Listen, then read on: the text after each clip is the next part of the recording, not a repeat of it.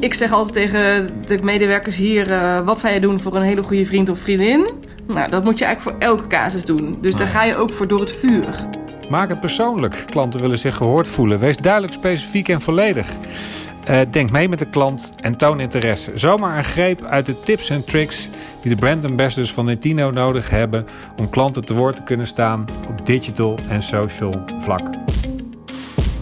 Vandaag ga ik in gesprek met Nathalie Verdolagen. Zij is manager van Netino en weet alles ervan om klanten social verder te helpen. Van harte welkom luisteraars voor alweer een nieuwe aflevering van de Webhelp podcast. Nummer 4 in een reeks van velen. Uh, misschien beginnen met een klein nieuwtje. Sinds uh, deze week zijn we uh, voor de niet-iPhone-liefhebbers zijn we ook te vinden op, op Spotify. Dus nu zijn we en op Soundcloud en in iTunes en op Spotify terug te vinden en terug te beluisteren. Dus doe dat ook vooral. Vandaag ben ik te gast in Hilversum bij Netino. en tegenover mij zit Nathalie Verdolagen. Zij is manager van Netino NL uh, Webhelp, om het even helemaal goed te zeggen. En wij gaan vandaag met elkaar in gesprek. Nathalie, welkom. Ja, dankjewel Erik. Ja. Uh, manager Netino NL bij Webhelp. Uh, dat moet je toch even uitleggen. Ja, Netino zijn we eigenlijk twee jaar geleden gestart. Omdat wij uh, zien dat digitaal klantcontact een steeds groter onderdeel wordt van de hele experience en, en de customer service. En vandaar dat wij dit label eigenlijk apart hebben gezet om snelheid te maken en te zien wat daar echt nodig is om de digitale transformatie bij te kunnen benen. Nou ja, dus dan toch even kort. Webhelp, ja, landelijk marktleider in klantcontact, klantenservice, een groot contactcenter. veel mensen die daar met telefonie te maken hebben, maar daar hebben jullie minder mee te maken. Uh, ja, nauwelijks. Nauwelijks? Ja. Nou, leg uit. Ja, nou, dus, dus als je het hebt over digitaal uh, klantcontact, dan, dan, dan praat je over kanalen die enerzijds gesloten zijn. Dus dan praat je meer over WhatsApp of chat. Maar anderzijds de openbare kanalen die wij ook beheren. Dus denk daaraan um, Facebook, de tijdlijnen, Twitter, Instagram. Ja, en dus dat, is eigenlijk een mix van de verschillende kanalen die wij beheren. En in sommige gevallen kiezen we ervoor om een, eh, een, klant wel te bellen, omdat we dan zien dat daar de NPS een boost mee krijgt. Maar dan kiest eigenlijk onze brand ambassador zelf om, uh, ja, om dat te doen. Ja. Ja, ik hoor al heel wat dingen. Ik hoor brand ambassador, ik hoor heel veel kanalen. Het lijkt me niet de makkelijkste baan om, om te doen. Wel ontzettend leuk. Maar misschien om eerst eventjes wat dieper in te gaan op, op het digitale en het sociale.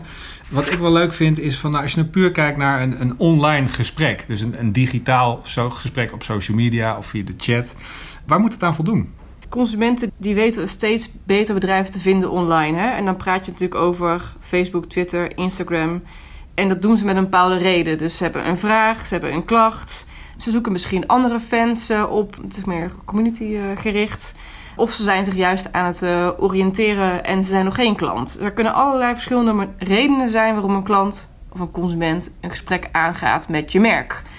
Ja, of, um, of misschien gewoon wel wat kwijt wil. Of wat kwijt wil. Niet eens een gesprek aan wil ja, gaan misschien. Ja, ja, nee, die zijn mening wel uit, uh, zeker. Ja. Dat, kan alle, dat er zijn meerdere redenen natuurlijk waarom een, uh, een gesprek of een, of een uiting uh, wordt ge, daar wordt geplaatst. Maar wij hanteren altijd zeg maar vier principes als wij een, een, een gesprek beantwoorden online. En dat is uh, dat het het altijd persoonlijk maken. Dus een klant die wil zich gehoord voelen. Uh, daar hoort natuurlijk ook wel echt empathie bij. Twee is dat we altijd kijken naar wat is dan de oplossing. En dat we altijd heel duidelijk en specifiek en volledig zijn als het daarom gaat. Hè? En als het, als het geen oplossing maar is, maar meer een kreet, dat je in ieder geval daar dan weer wel een, in ieder geval een antwoord op geeft of een reactie op geeft. We kijken altijd op punt 3 naar het handelsperspectief. Hè? Dus wat denk mee met de klant? Waar, wat, wat triggert hem nu om online uh, te reageren?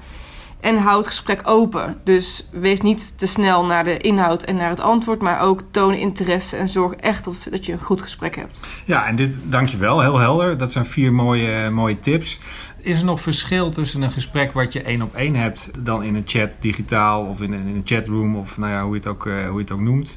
Of Facebook Messenger misschien ja, wel. Zeker, of ja. dat er een openbaar gesprek is. Is dat, is dat een verschil? Ja, dat, vinden wij wel. Omdat natuurlijk iedereen mee kan kijken. En het ook altijd online blijft staan. Dus daar is de reputatierisico uh, komt daar om de hoek kijken. En ook dat je daarmee echt moet zorgen dat het merk wat je, hè, wat je uit wil stralen ook terugkomt in het gesprek en de manier waarop je een gesprek voert. Ja, in de private gesprekken gaat het misschien meer om hoe kan je echt de persoon goed helpen en weet je ook met wie je te maken hebt. Zeker ook. Ja. En, natuurlijk, en openbaar even, minder. Ja, en, en in openbare gesprekken mogen wij niet vragen naar klantdata. Dus daarom moeten we altijd naar, hè, naar het één op één kanaal uh, sturen. Dus je kan niet ingaan op specifieke situaties. Want dat moet je in een persoonlijk één op één bericht afhandelen. Maar wat we wel zeggen, koppel dat dan ook wel terug wat je hebt gedaan in het openbare gesprek. Omdat mensen meelezen. Dus mensen die diezelfde vraag hebben en die dan in een in een één op één gesprek worden afgehandeld. Koppel dan wel terug wat je hebt gedaan. Dus dat ook vaak daar weer duidelijk is wat er dan moet gebeuren. Ja. Voor een volgende vraag. Je zei er net uh, al wel wat over, maar consumenten die, die uiten wat, die stellen een vraag of, of een, misschien wel een klacht. Openbaar, soms uh, afgesloten, private uh, gesprekken. Maar is dat nu aan het veranderen? Worden mensen nog steeds mondiger op social media en het digitale klantcontact? Of is dat stabiel? En ik vraag dat natuurlijk omdat veel van onze klanten daar natuurlijk mee te maken hebben. Dat, ja, ze zijn openbaar aanwezig. De meeste bedrijven willen ook wel echt actief zijn op social media. Ze willen klaarstaan om die, om die reactie aan de klant te kunnen geven. Maar ja, de vraag is nu eigenlijk heel concreet. In het gedrag van consumenten, is dat, is dat consumentengedrag aan het veranderen? Wat, wat, wat zie jij daarin? Dat je daar geen, niet een één antwoord op kan geven, maar dat het ook heel erg ligt aan uh, de doelstellingen van het bedrijf. Hè? Dus als een bedrijf Instagram bijvoorbeeld heel erg inzet om potentiële klanten te bereiken, dan moet je er wel voor zorgen dat als er reacties komen, dat je die ook gelijk beantwoordt en daarmee dat het bijdraagt aan die campagne die, die je hebt ingezet. Als het gaat om re redelijk reactief, hè, dus je hebt wel een Facebookpagina, je plaatst daar relatief weinig content, maar je vindt wel dat, daar, uh, dat mensen daar vragen kunnen stellen, dan moet je natuurlijk meer zorgen dat het heel erg wordt gemonitord en dat je altijd antwoord geeft. Maar dan ben je niet het bedrijf aan het boosten met een campagne. Dus overal zien we natuurlijk gewoon dat mensen zijn hartstikke mondig uh, tegenwoordig. Online is gewoon een heel makkelijk kanaal. Zeker als het gaat om on onvrede of onmacht. Dan wordt het natuurlijk altijd de wereld ingeslingerd. Goed, dat zal niet uh, veranderen. Dat was al, was al zo een tijdje. Dat, dat blijft zo. Maar ik denk dat steeds meer bedrijven ook uh, social media inzetten om, om die potentiële klant te bereiken en leads te genereren. Ja. En dus is het wel zaak nu om ook te kijken naar hoe kunnen wij die leads echt versterken of uiteindelijk nou ja, naar dat winkelmandje begeleiden als het gaat om uh, e-commerce. Ja, ja. Wat, wat, wat, zijn daar dingen die goed werken? Wanneer, heb, je, heb je daar een voorbeeld van? Dat is wel de echte uitdaging van de organisatie. Dus in hoeverre mag het social media team ook leads uh, echt closen? mogen ze dat überhaupt wel? Of wordt het eigenlijk bij het sales team? En, en daar gaat het dan regelmatig nog mis het social media team naar het sales team om uiteindelijk ervoor te zorgen dat een, dat een klant klant mag worden, omdat daar specifieke informatie gevraagd wordt. Ja, het gaat ook om de Terwijl, verantwoordelijkheid van de van, brand ambassador ja, in dit zeker, geval. Ja. zeker. Ja. Maar ik denk dat daar nog wel veel meer te halen is. Als je het hebt over proactieve service en, en in die zin uh, lead generatie. Ja. ja. Ik wil even naar een uitstapje maken naar dat andere aspect. Want sales is natuurlijk een heel belangrijk aspect. Sales en marketing. Ander is toch wel service en misschien ook wel reputatie. Ja. Uh, onlangs heb ik, uh, zat ik in een, in, een, in een overleg met wat, wat klanten. En toen merkte ik toch wel eigenlijk dat wat een, een gedeelde, gedeeld probleem was binnen die groep was dat ze allemaal wel onderkennen van ja, social media, daar gebeurt van alles. Klanten laten zich horen en het is ook een potentieel risico. Het is een risico dat als er dingen gezegd worden over jou of over je bedrijf, of misschien wel door je medewerkers op, uh, op social media, ja, het zou zomaar tot een relletje kunnen leiden. Of nou ja, het wordt een keer door geen stijl opgepikt en vervolgens door de krant en dan mm -hmm. de dag daarna zit je in het journaal. Ja. Hebben jullie daar ook mee te maken en hoe gaan jullie daarmee om? Het is wel zaak om strak te monitoren en echt wel uh, dicht op de bal te zitten wat er online gebeurt. Maar ook om het perspectief wel open te houden. Dus zeg maar, die helikopterview is bij onze medewerkers echt van belang. Dus als jij iets beantwoordt en het heeft misschien impact op winkels of online processen of andere zaken, dan moet wel in ieder geval door je hoofd gaan dat, het, dat de impact groter kan zijn als jij je antwoord online uh, teruggeeft. Maar je moet dus in ieder geval goed monitoren, dus al, altijd en uh, ook snel. En je moet je heel bewust zijn wat de impact kan, kan zijn van je antwoord. Ja, ja daar, daar, daar haak ik ook wel aan. Want terwijl jij praat zit ik alweer te denken. Uh, je ziet wel eens van die gevatte opmerkingen. Hè? Dus dat er wat humor uh, gebruikt wordt. Ik kan me voorstellen dat dat heel goed kan werken, maar dat eigenlijk ook een beetje tegen je kan werken. Ja. hoe gaan jullie daarmee om? nou ja, test en learn. Hè? Dus het moet natuurlijk bij je, bij je merk of je organisatie passen.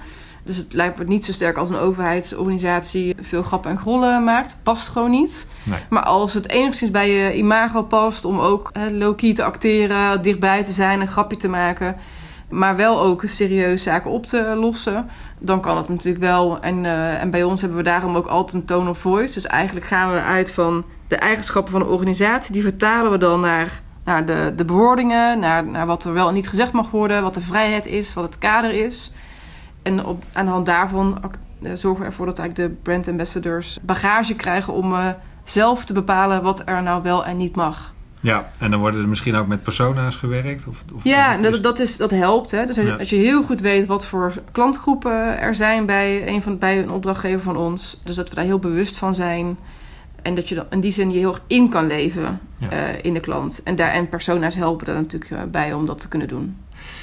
Kan je iets over de organisaties vertellen, zeg maar, in, in hun levensfase misschien wel, wanneer ze eraan toe zouden zijn om om daar iemand voor in te huren. Want ik kan me ook voorstellen dat heel veel bedrijven dat die dit nu horen en denken: ja, nou ja, leuke tips, maar dat doen we zelf, of dat gaan we zelf doen. Mm -hmm. wanneer, wanneer komen ze naar jou toe? Ja. Um, nou, een aantal assen gaat het dan over. Hè? Dus het gaat om flexibiliteit. Dus uh, zijn het, ben je een organisatie wat, waar, wat draait op campagnes en op, op het boosten van bepaalde marketingactiviteiten? Ja, dan kan het helpen dat, dat wij die flexibele schil uh, zijn. En dat we wel gewoon een constante basis hebben om wat uren te leveren en kennis op te bouwen.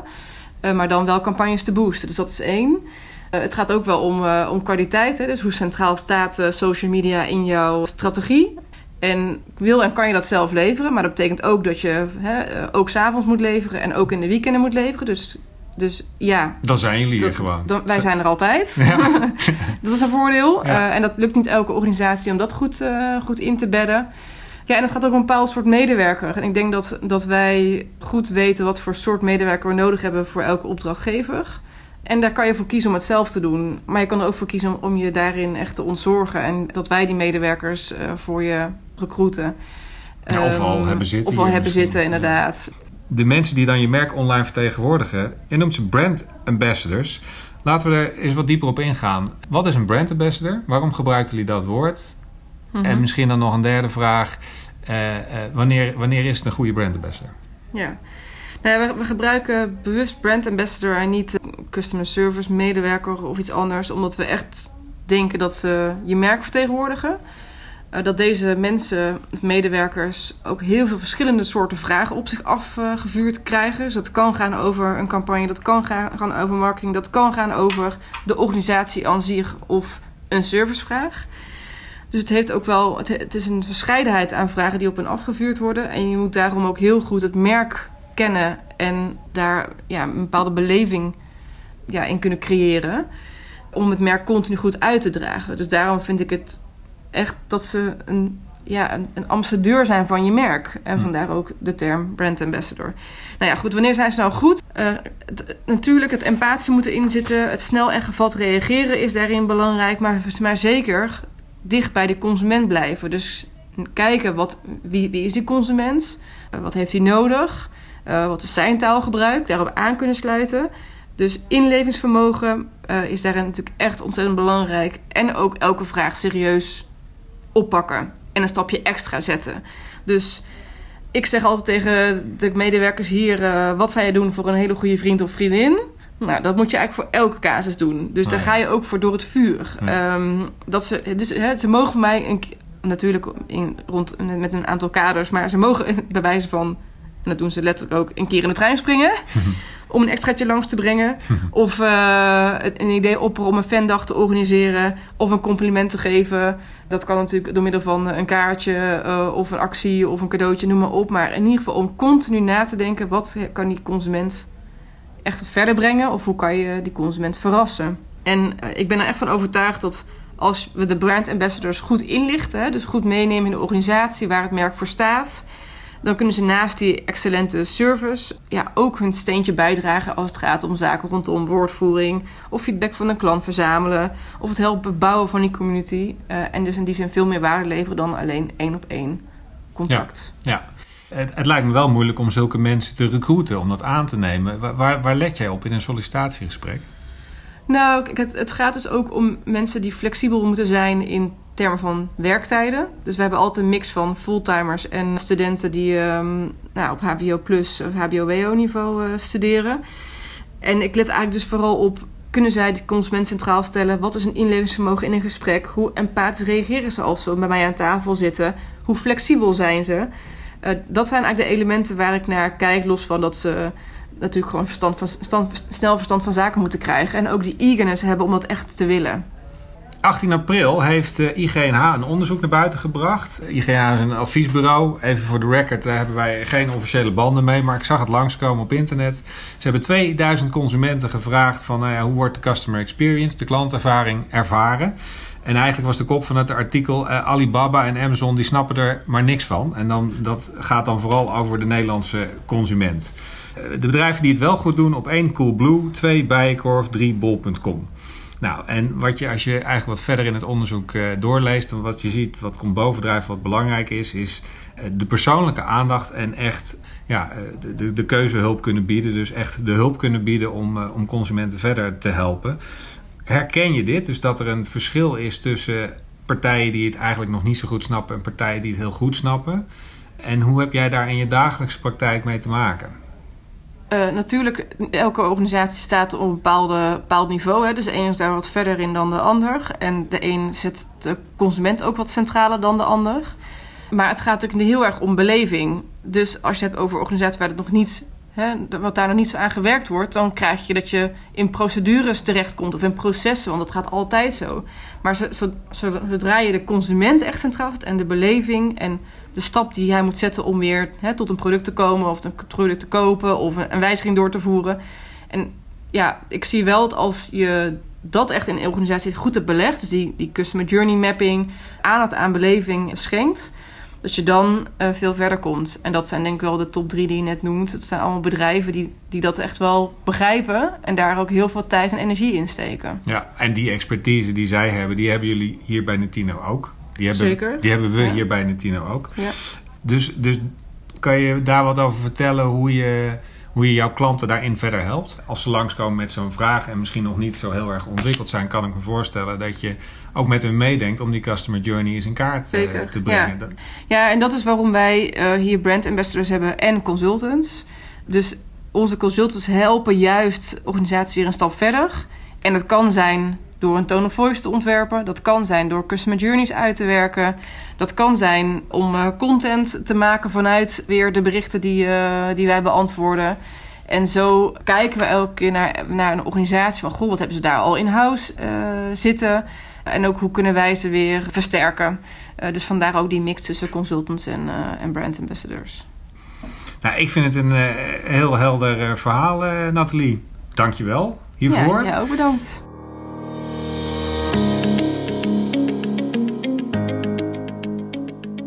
Dat was hem weer. Het afgelopen kwartier eh, heb je kunnen luisteren naar het interview van mij, Erik de Gier, met Nathalie Verdolagen van Netino NL. De Nederlandse tak van het, eh, van het merk Netino.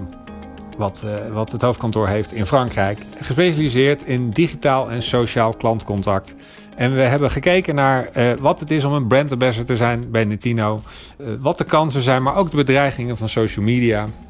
En eigenlijk hoe je meer uit social media kan halen en meer met social media kan doen. Wat heel belangrijk is, is om de consument goed te begrijpen. Hem echt daadwerkelijk te helpen en hem de aandacht te geven die hij nodig heeft. Maar op een manier die je als organisatie kunt behappen. Nou, Netino weet daar alles van. Dus naast de brand ambassadors werken er ook consultants, hebben we gehoord. En die kunnen met je meedenken. Sinds deze week zijn we dus ook terug te vinden op Spotify voor eh, de mensen die geen eh, iPhone hebben. Eh, dus deze aflevering is weer terug te beluisteren op zowel iTunes als Spotify, als natuurlijk ook nog SoundCloud.